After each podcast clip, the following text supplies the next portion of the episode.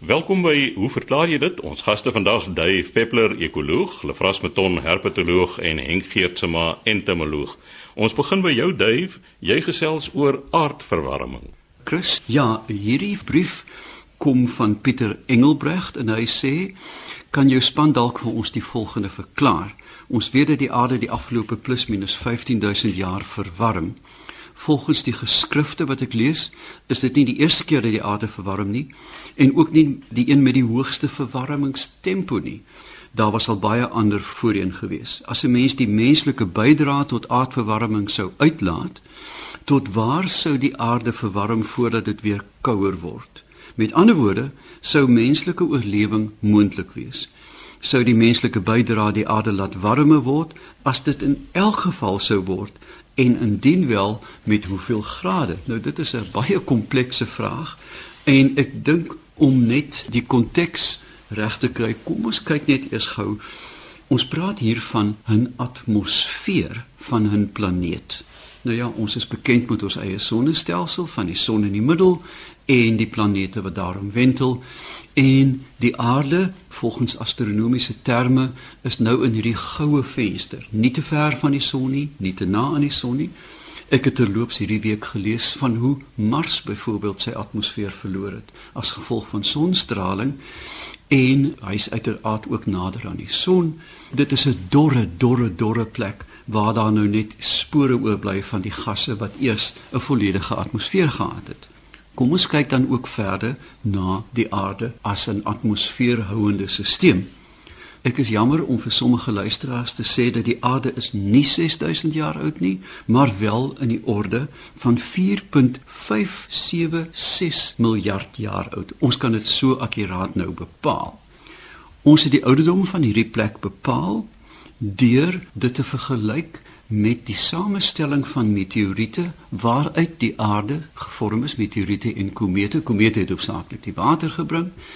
Daar was 'n aggregaat swaartekrag het gesorg dat dit gekompakteer word. Die ding het begin draai naderhand en 'n gesmelte metaalkern gekry. Daarom 'n mantel wat rond beweeg die kontinente dryf op hierdie mantel In Australië is daar sirkonium kristalle wat nou baie akkuraat gedateer is tot 4.404 miljard jaar oud.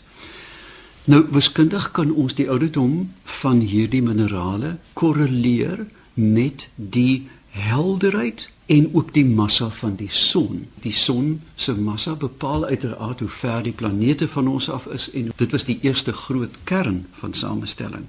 Daar is heelwat van hierdie kalsium aluminium aggregate op die aarde waarvan ons die ouderdom op 4.5 miljard jaar kan bepaal. En hoe word dit dan bepaal? Dit is nie baie eenvoudig nie, maar dit is as volg. Rotse bevat minerale wat dan ook sekere elemente bevat. Sommige van hierdie elemente is radioaktief, met ander woorde, laat straling vry gewoonlik en dan wanneer hierdie rotse verweer het hulle 'n sogenaamde leeftyd en 'n halfleeftyd. Dit is baie maklik bepaalbaar volgens die periodieke tabel. En daarom weet ons dat kalium 40 as hy dan sy radioaktiwiteit verloor, vorm dit argon, een van die edelgasse, en lood kom van Iran en ander van die swaar radioaktiewe metale. Nou vra ons dan, goed, ons het nou hierdie stuk klip wat baie oud is en waar kom die atmosfeer vandaan? Vir die eerste 500 miljoen jaar was daar geen atmosfeer op die aarde nie.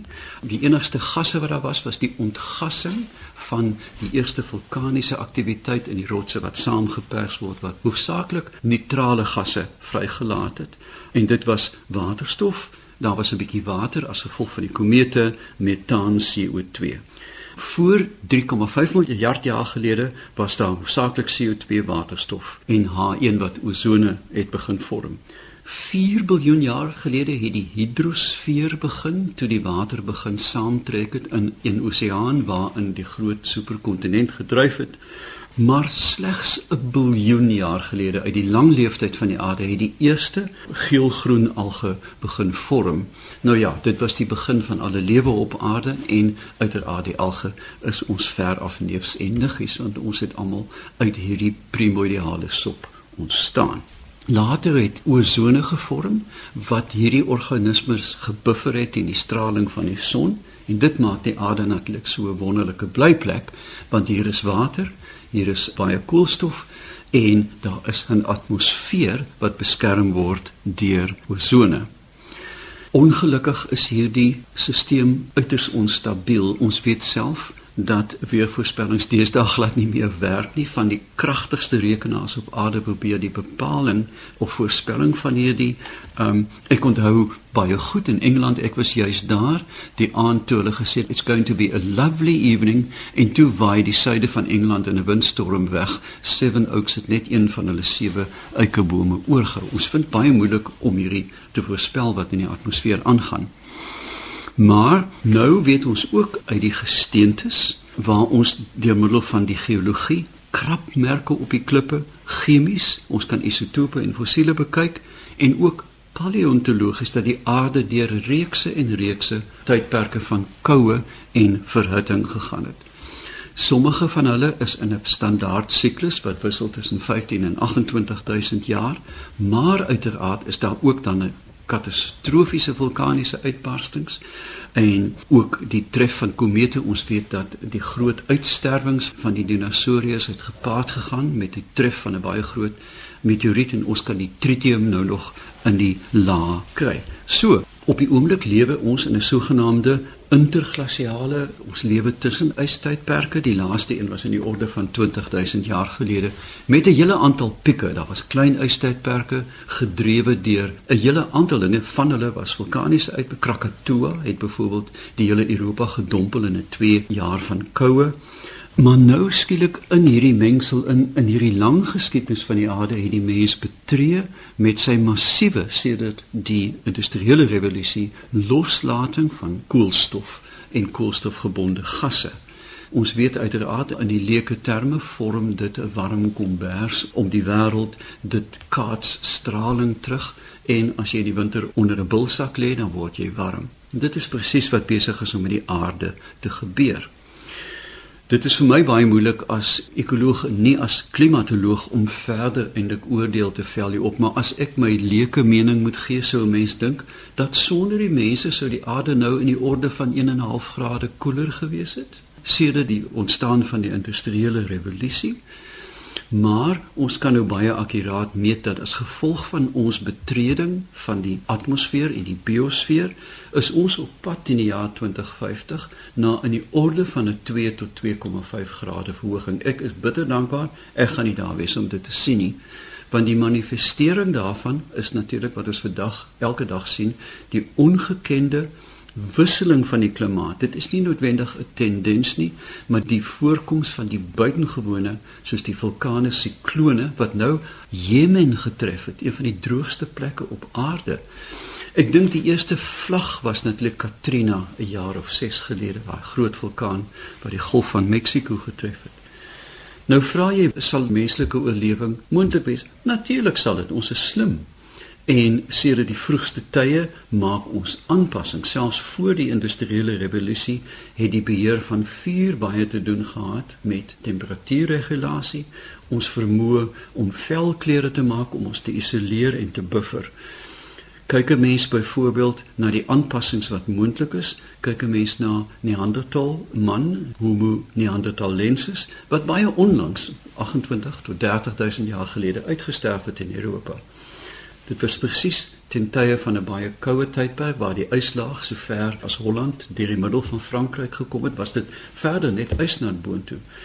En omdat lugtoestande dan ook baie laer was, het Homo neanderthalensis se oogkaste met 15% vergroot. Hulle het binne 'n kort tydjie die aanpassing gemaak om 'n vergrote oog te hê om beter te kan sien my kind. Wat interessant is, is dat ek en jy en die span en my kollegas en almal wat luister bevat in die orde van tussen 2 en 3% van die handeltaal genus nog ons het met hulle geteel ons voorvaders. Om dan af te sluit dink ek dat dit is 'n baie komplekse vraag en as 'n mens werk met kompleksiteit weet ons van Mandelbrot se werk van chaos teorie dat chaos word geprikkel nie in sy kern nie, maar aan sy rande. Met ander woorde, waar ons met klein goedjies die atmosfeer verander aan die rand van chaos, kan die gevolge baie dramaties wees want ons kan nie voorspel nie.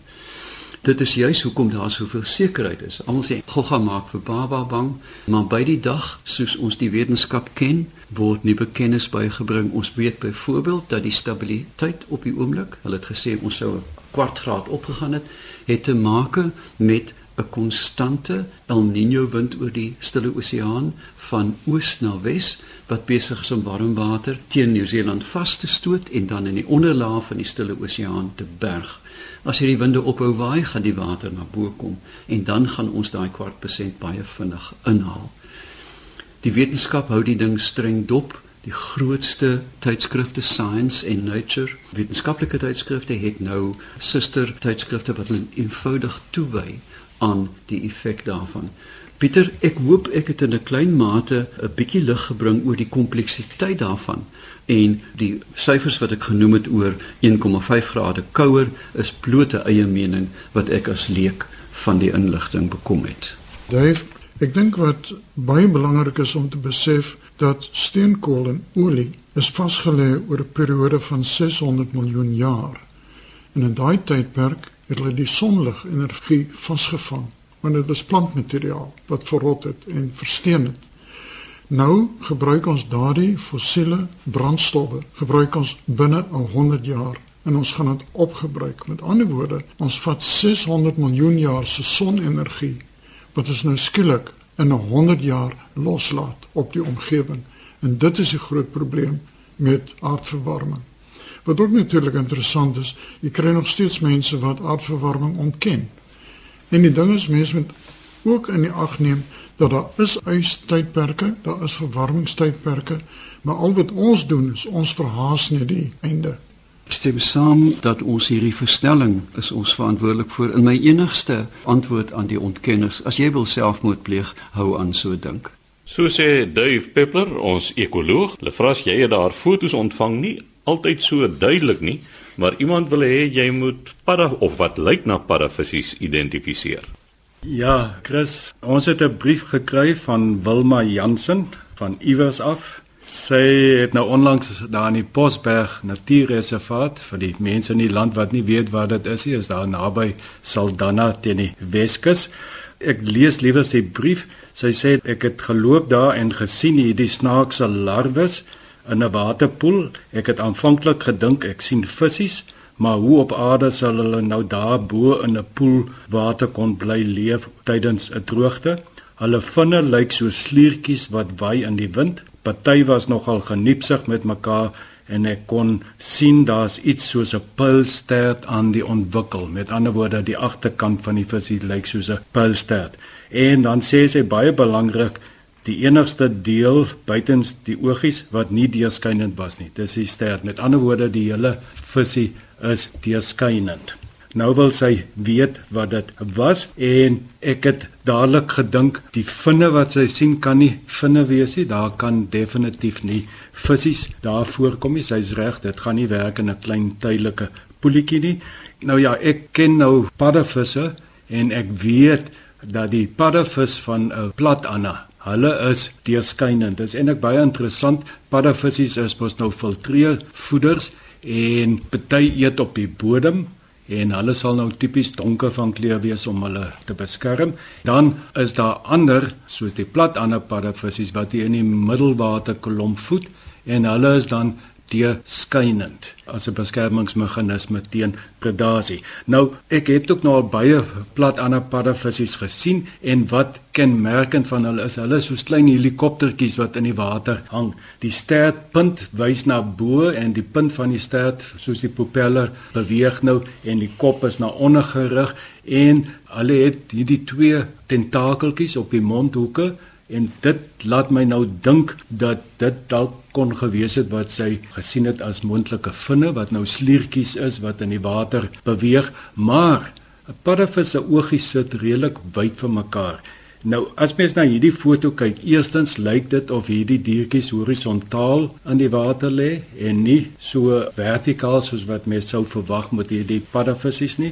En dan ook die oogies alhoewel mens nie veel oog kan sien nie, maar hier en daar lyk dit tog of jy twee spikkeltjies kan sien en dit lyk of dit redelik naby aan mekaar sit. So dit maak my bekommerd oor die idee van dat dit platande paddavisse is.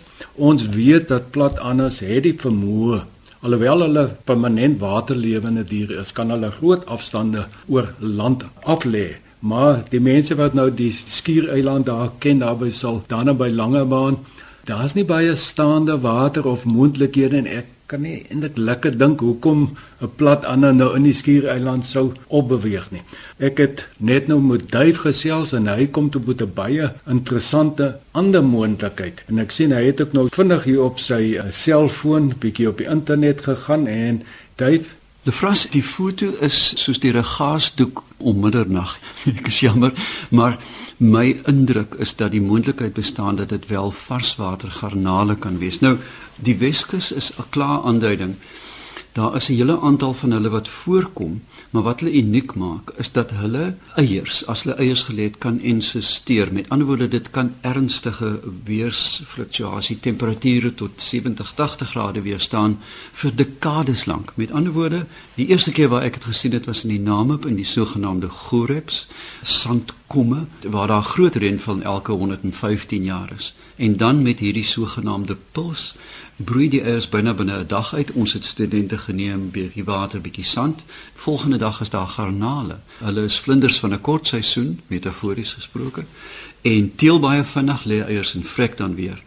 Die feit dat dit teen die Weskus is en geïsoleerd is en ek verbeel my ek sien sand aan die onderkant van die foto laat my dink dat die moontlikheid bestaan dat hierdie wel groterige varswater gaan na. Hulle is ook deursigtig. Hulle het natuurlik die voetjies en die asemhalingsorgane onder wat vinnig beweeg en dit kan die beeld van vinne dalk voorstel. Hulle het ook antennae so dis net 'n alternatiewe verduideliking. Met duidelike fotos kan ons baie maklik die ding uitpak Dave, hoekom ek hou van jou verduideliking is dat hierdie horisontale posisie maak my bekommerd oor die paddevisie verduideliking. Sê gou vir my, hoe sou garnale nou is hulle in die middel van die water of swem hulle rond of is dit vinnige bewegingkies?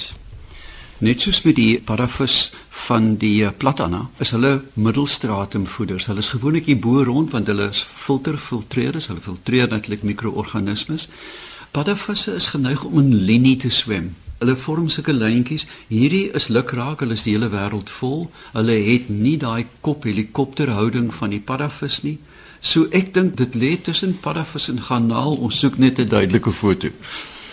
Wilma, ja, ons kan nie presies weet nie. Ons weet die plat Anna kom oor die hele Suid-Afrika voor. Hulle is baie opportunisties en ek het gekyk in die boeke hulle is wel ook in daardie omgewing, maar ek het my bedenkinge dat hulle op die Skiereiland wel gevind sal word en die ander moontlikheid is dan hierdie vaswaterkanale, een van die twee, maar in elk geval ek dink dit bly 'n baie interessante waarneming. So sê Lefras Meton, ons herpetoloog, laaste aan die woord, Henk Geertsma, entomoloog. Nou Henk, jy het so 'n program of 2 of 3 gelede gesels oor vlooie en bosluise en die vlooie het ons intussen nog nie met rus gelaat nie. Ja, vloei is natuurlik 'n ontsettende interessante gebied. Ek het laas eintlik geantwoord op 'n brief van meneer Pieter van der Merwe van die Suid-Kaap. Hy wil weet wat se verskil tussen bosluise en vloei en so aan. Nou, vloei self, daar's omtrent 1000 spesies wat wêreldwyd voorkom. Die interessante ding hiervan is dat hulle is baie goed bestudeer deur een van die Rothschild bankiers Nou jy weet Rothschilds was in die 1870 jare die magtigste bankiers in Europa en daar was drie broers. Een van die broers, Jakob, het belang gestel en die ander broer, dink dit was Lionel, belang gestel in vlooie. En die grootste vlooi versameling wat bestaan in die Britse museum is beskryf in 500 volumes. Die boeke staan 50 cm hoog is gemiddeld 10 cm dik. Dan is die vloeie van die wêreld beskryf. Omdat die Rothschilds baie geld gehad het, kon hulle versamelaars reg oor die wêreld stuur om vloeie bymekaar te maak. Nou, die taksonomie of die klassifikasie van vloeie is natuurlik uiters interessant omdat dit is hoofsaaklik gebaseer op die geslasorgane van die mannetjie wat een van die ingewikkeldste strukture is. Rothschild het natuurlik weer assistensie gekry en vrylik gepubliseer want hy was eintlik die geldskieter vir die hele storie. Nou, ons het gepraat oor die liggaam van vlooie wat lateraal verplat is. As ons kyk na luise, luise is dorsoventraal verplat en hulle skuil dan ook gewoonlik tussen pels onder klerasie en so aan. Maar vlooie is eintlik baie beweeglik. Vlooie word natuurlik aangetref op warmbloedige diere. Is ook weer interessant, dis bloedsuigende parasiete. Hulle kom voor op voëls. Ons ken almal die hoendervlooi wat natuurlik ook vir die hoenders nagmerries gee en dan op verskeie diere. Nou, die algemeenste vlooi wat ons het op die oomblik is die katvlooi en die hondevlooi. Die mensvlooi as sulks is nie so baie volop nie. Met ander woorde, vlooie is nie noodwendig geassosieer met 'n besondere gasheer nie. En moet dit nou nie vir die honde vertel nie, maar meeste hondevloeie is eintlik katvloeie. En katvloeie is eintlik die volopste vloei in ons huis. Nou as mens kyk na die lewensloop van vloeie, die interessante ding is vloeie is nog ons gladde diere. Die mannetjie vloei klim op die rug van die wyfie vloei en klou vas aan haar antenna haar voelers om vas op plek te kry dan van koppeling plaas en nou van eierlegging plaas. Nou meneer van der Merwe beskryf dit baie mooi. Die sout en peper wat soms sigbaar is op troeteldiere, is dit die eiertjies en afskeidings van die vlooie. Heeltemal korrek. Die eiertjies is parelwit, is redelik glad, maar nie almal nie. Party van hulle is klewerig en klou aan die pels van die dier. Maar as gou die dier begin rondvroetel, dan val die eiers van die pels af en beland in die beddegoed van die dier. Met ander woorde, As jy mens katte en honde aanhou in mandjies en so aan, is dit gewoonlik die bron van die hele huis se ergernis. So dit moet maar gereeld ontvlooi word. Nou, die vlooi eiertjies broei uit en die larwetjies is pootloos, maar kan redelik goed beweeg omdat die agterste deel van die lyfie is 'n verharde struktuur wat toelaat dat hulle kan beweeg. En vir hulle is daar niks lekkerder nie as 'n plankvloer. 'n Plankvloer het gewoonlik groot nate en in die nate is dan dan gewoonlik as mens nou die vloer vee, kom daar 'n bietjie huisvuil en so aan in die nate vasgevang en dit is waarop die vlooie larwes dan voed. Nadat hulle die voeding voltooi het, dit kan 3 maande duur, dit kan 'n jaar duur, verpop hulle. En hulle verpop in 'n kokon. Die kokon is dan gewoonlik ook in die nate van die plankvloer of onder tapuite of op plekke wat nie gereeld afgestof word in die huis nie. Die kokonne kan vir meer as 'n jaar lê sonder dat die vlooi te voorskyn kom. En dit is wat gebeur as mens byvoorbeeld op vakansie gaan, jy 'n strandhuis, gewoonlik met 'n paar plankvloere, jy vat jou hond of jou kat saam en gaan terug huis toe in die tussentyd broei die vlooie uit, vorm dan kokonne. En so gou jy weer aankom by jou strandhuis, jy loop rond, dan deur die trilling op die houtvloere spring die vlooie dan uit hierdie kokonne uit en hulle is baie honger, né? Nee, na omtrent 'n jaar sal hulle baie honger wees en val die mens aan. Die bestryding. As ek 'n vakansiehuis het, ek is 'n akademikus, so kan nie strandhuis bekostig nie. Maar as ek nou 'n strandhuis gehad het, So ek as ek die huis verlaat, die klorbos stroke in die huis hang sodat die vlooie gedood word. Die stroke laat 'n gas vry wat die insekte sal doodmaak. En as jy dan na 6 maande in die huis kom, dan belug jy net die kamers en so aan om die DDWP uit te laat en die vlooie sal jou nie probleem gee nie. Dan praat meneer van die merwe ook oor bosluise. Nou bosluise is natuurlik merkwaardige diere. Jy weet As mense 'n bosluis op jou lyf kry voordat mense die arme ding doodmaak, kry net so 'n bietjie simpatie. Hierdie arme dier het 'n lang, lang, moeilike lewenswandel gehad. In die eerste plek, die eiertjies word gelê, by baie spesies word tot 1000 eiers gelê, wat natuurlik aandui dat die oorlewingsvermoë van die besondere dier baie laag is. Hierdie eiertjies broei uit en versprei. Nou kry mens byvoorbeeld 'n stukkie gras of 'n ding en hierdie luisie klim, die bosluis klim teen die gras uit en maak sy pootjies oop. Natuurlik 'n drie paar pote op die stadium. So ek klou vas met twee paar pootjies aan die grashalmpie. Die een paar pootjies vergroot sy vangoppervlakte. En as 'n dier of die mens, natuurlik ook 'n dier verbyloop, dan kan hy nou op die dier klim. Nou baie bosluise voed dan en val af van die dier as hy klaar gevoed het en nou vervel die bosluisie, die nimfie wat ons van praat. Die nimf moet weer deur dieselfde siklus gaan van opklim op 'n grashalmpie of 'n ding om weer 'n gasheer in die hande te kry. Die bosluise in die algemeen vervel 4 tot 5 keer. So hierdie proses van afval van die dier weer terugklim is 'n lang proses, maar nou kom ons by die paring. Die mannetjie klim op die dier, beweeg dan deur die pels van die dier op soek na die wyfie, waar hulle dan paar. Die wyfie, as sy klaar gepaar het, moet eiers lê en sy laat val net op die grond. Haar probleem is dan hopelik val sy tussen plantafval. As sy op kaal grond val, gaan of 'n roofdier haar in die hande kry of sy droog net uit in die son. So volgende keer voordat jy 'n bosluis doodmaak, dink 'n bietjie aan die moeilike bestaan van die arme dier. Dit was dan Henk Geertsma, ons entomoloog. Die tyd het ons ongelukkig ingehaal. Skryf aan ons by hoe verklaar jy dit? Posbus 2551 Kaapstad 8000 of stuur 'n e-pos aan chris@rsg.co.za.